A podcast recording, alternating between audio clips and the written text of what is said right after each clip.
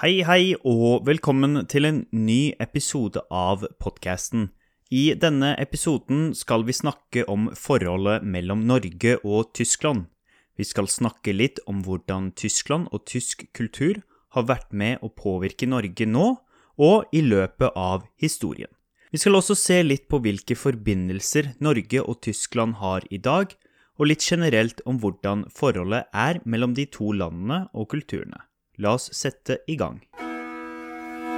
Tyskland og Norge er på mange vis veldig like hverandre, men også ulike hverandre, naturlig nok. For eksempel har språkene ett felles opphav, germansk. Norge har også tatt inn mange låneord fra tysk og nedertysk. Se egen episode om nedertyske låneord, episode 31. På mange vis har vi også en lignende kultur. Vi deler mange av de samme skikkene. Vi ligner også på hverandre. Og kanskje er vi begge kjente for å være litt kalde ved første møte, men også skikkelige og til å stole på. La oss se litt historisk på dette forholdet mellom Tyskland og Norge. Det er naturlig å begynne med Hansa-tida når vi snakker om begynnelsen på et tysk-norsk forhold. Dette var selvsagt før Tyskland var samlet til ett land, og før Norge var selvstendig, nemlig på midten av 1300-tallet, og særlig på 1400-tallet. På 1500-tallet og videre gikk det nedover for hanseaterne i Norge, men de var her til andre halvdel av 1700-tallet.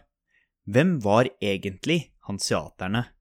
Hanseaterne var tyske og nederlandske kjøpmenn fra byene som utgjorde Hansa-forbundet. Hansa-forbundet besto særlig av nordtyske og nederlandske byer. De gikk sammen for å samarbeide om handel og diplomati. Hansa-forbundet hadde sitt hovedkontor i Bergen, der de handlet særlig fisk og tømmer fra Norge. Hanseaterne hadde stor påvirkning på Norge, økonomisk og kulturelt. Økonomisk så dominerte hanseaterne handel i Norge i mer enn 100 år. De bygde også noen fantastiske kontorer i Bergen som vi i dag kan se nede på Bryggen. Bryggen er i dag en del av UNESCO sin verdensarvsliste men den kanskje største påvirkningen fra hanseaterne kom i språket. Norsk tok til seg mange nedertyske ord fra denne perioden, særlig ord som begynner på b og an, noen eksempler er betale, mens vi fra norrønt har kjøpe. Andre ord er beliggenhet, bevege og anskaffe. Mange av disse ordene er veldig vanlige på norsk. Se episode 31 om tyske låneord på norsk om du ønsker mer informasjon om dette.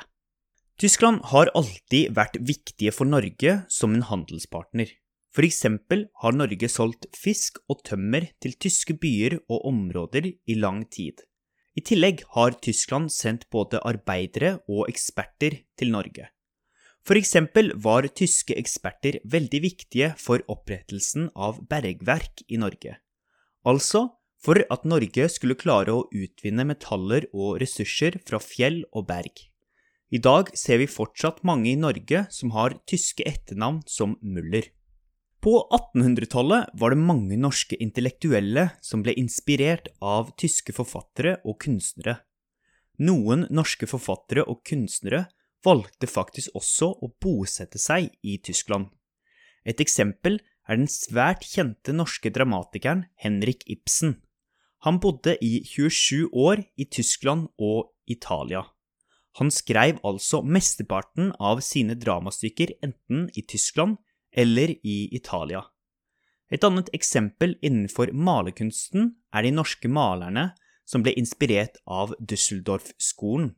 Düsseldorf-skolen var et malemiljø ved universitetet i Düsseldorf som fremmet en realistisk stil med motiver fra mytologi, historie og natur.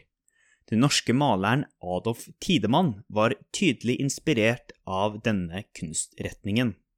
La oss hoppe fram til 1900-tallet. På begynnelsen av 1900-tallet er det særlig to store konflikter som preger forholdet mellom Norge og Tyskland. Det er første og andre verdenskrig.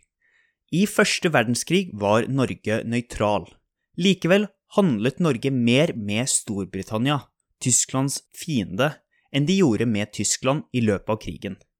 Mange norske handelsbåter ble senket av tyske ubåter, og mange i Norge ønsket derfor at Storbritannia og de allierte skulle vinne mot Tyskland og ententemaktene i første verdenskrig. Likevel var det ikke veldig viktig for Norge hvem som vant første verdenskrig.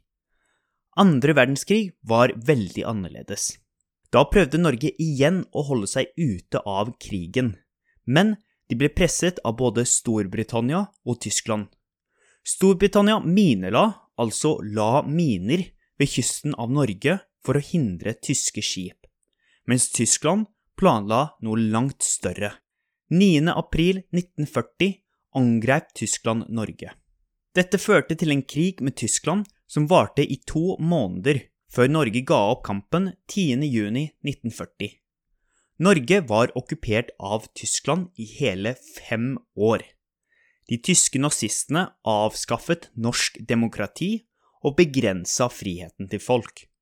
Dette gjorde selvsagt at veldig mange i Norge var imot Tyskland.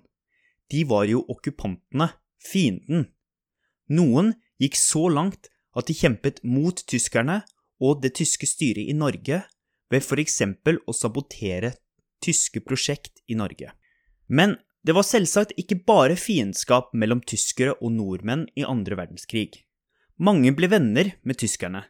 De aller fleste tyske soldatene som kom til Norge, var ikke nazister, men helt vanlige folk som var tvunget ut i en krig de ikke nødvendigvis skjønte så mye av. Noen norske jenter ble kjærester med tyske soldater.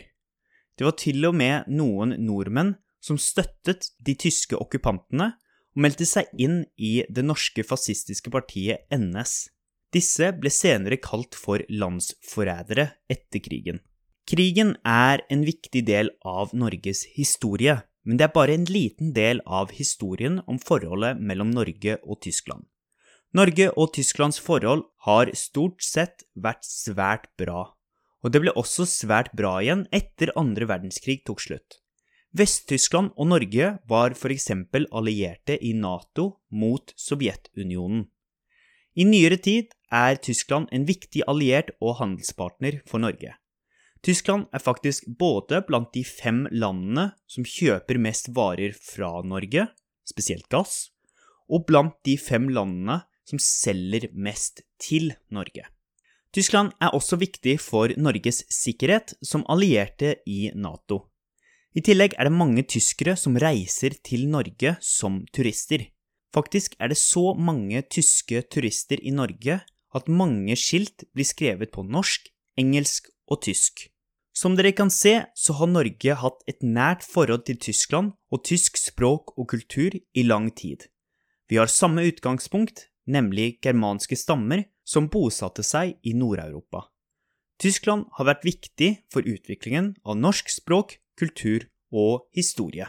Tyskland og Norge har altså hatt nære forbindelser, både på godt og vondt, i lang tid.